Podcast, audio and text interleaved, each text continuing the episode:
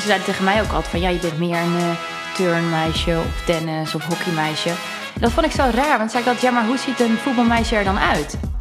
Als je altijd maar hetzelfde doet als de rest, dan krijg je dus ook hetzelfde resultaat. Dus de kunst is om ook anders durven te zijn, want dan is het resultaat ook anders.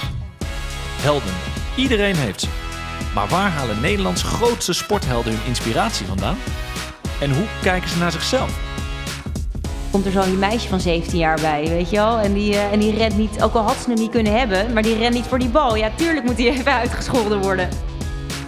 Ik vind het juist heel mooi als een sporter juist die menselijke kant wel laat zien. En uh, laat zien, ondanks dat ze een topsporter zijn en dat ze daarnaast ook gewoon fijne mensen zijn.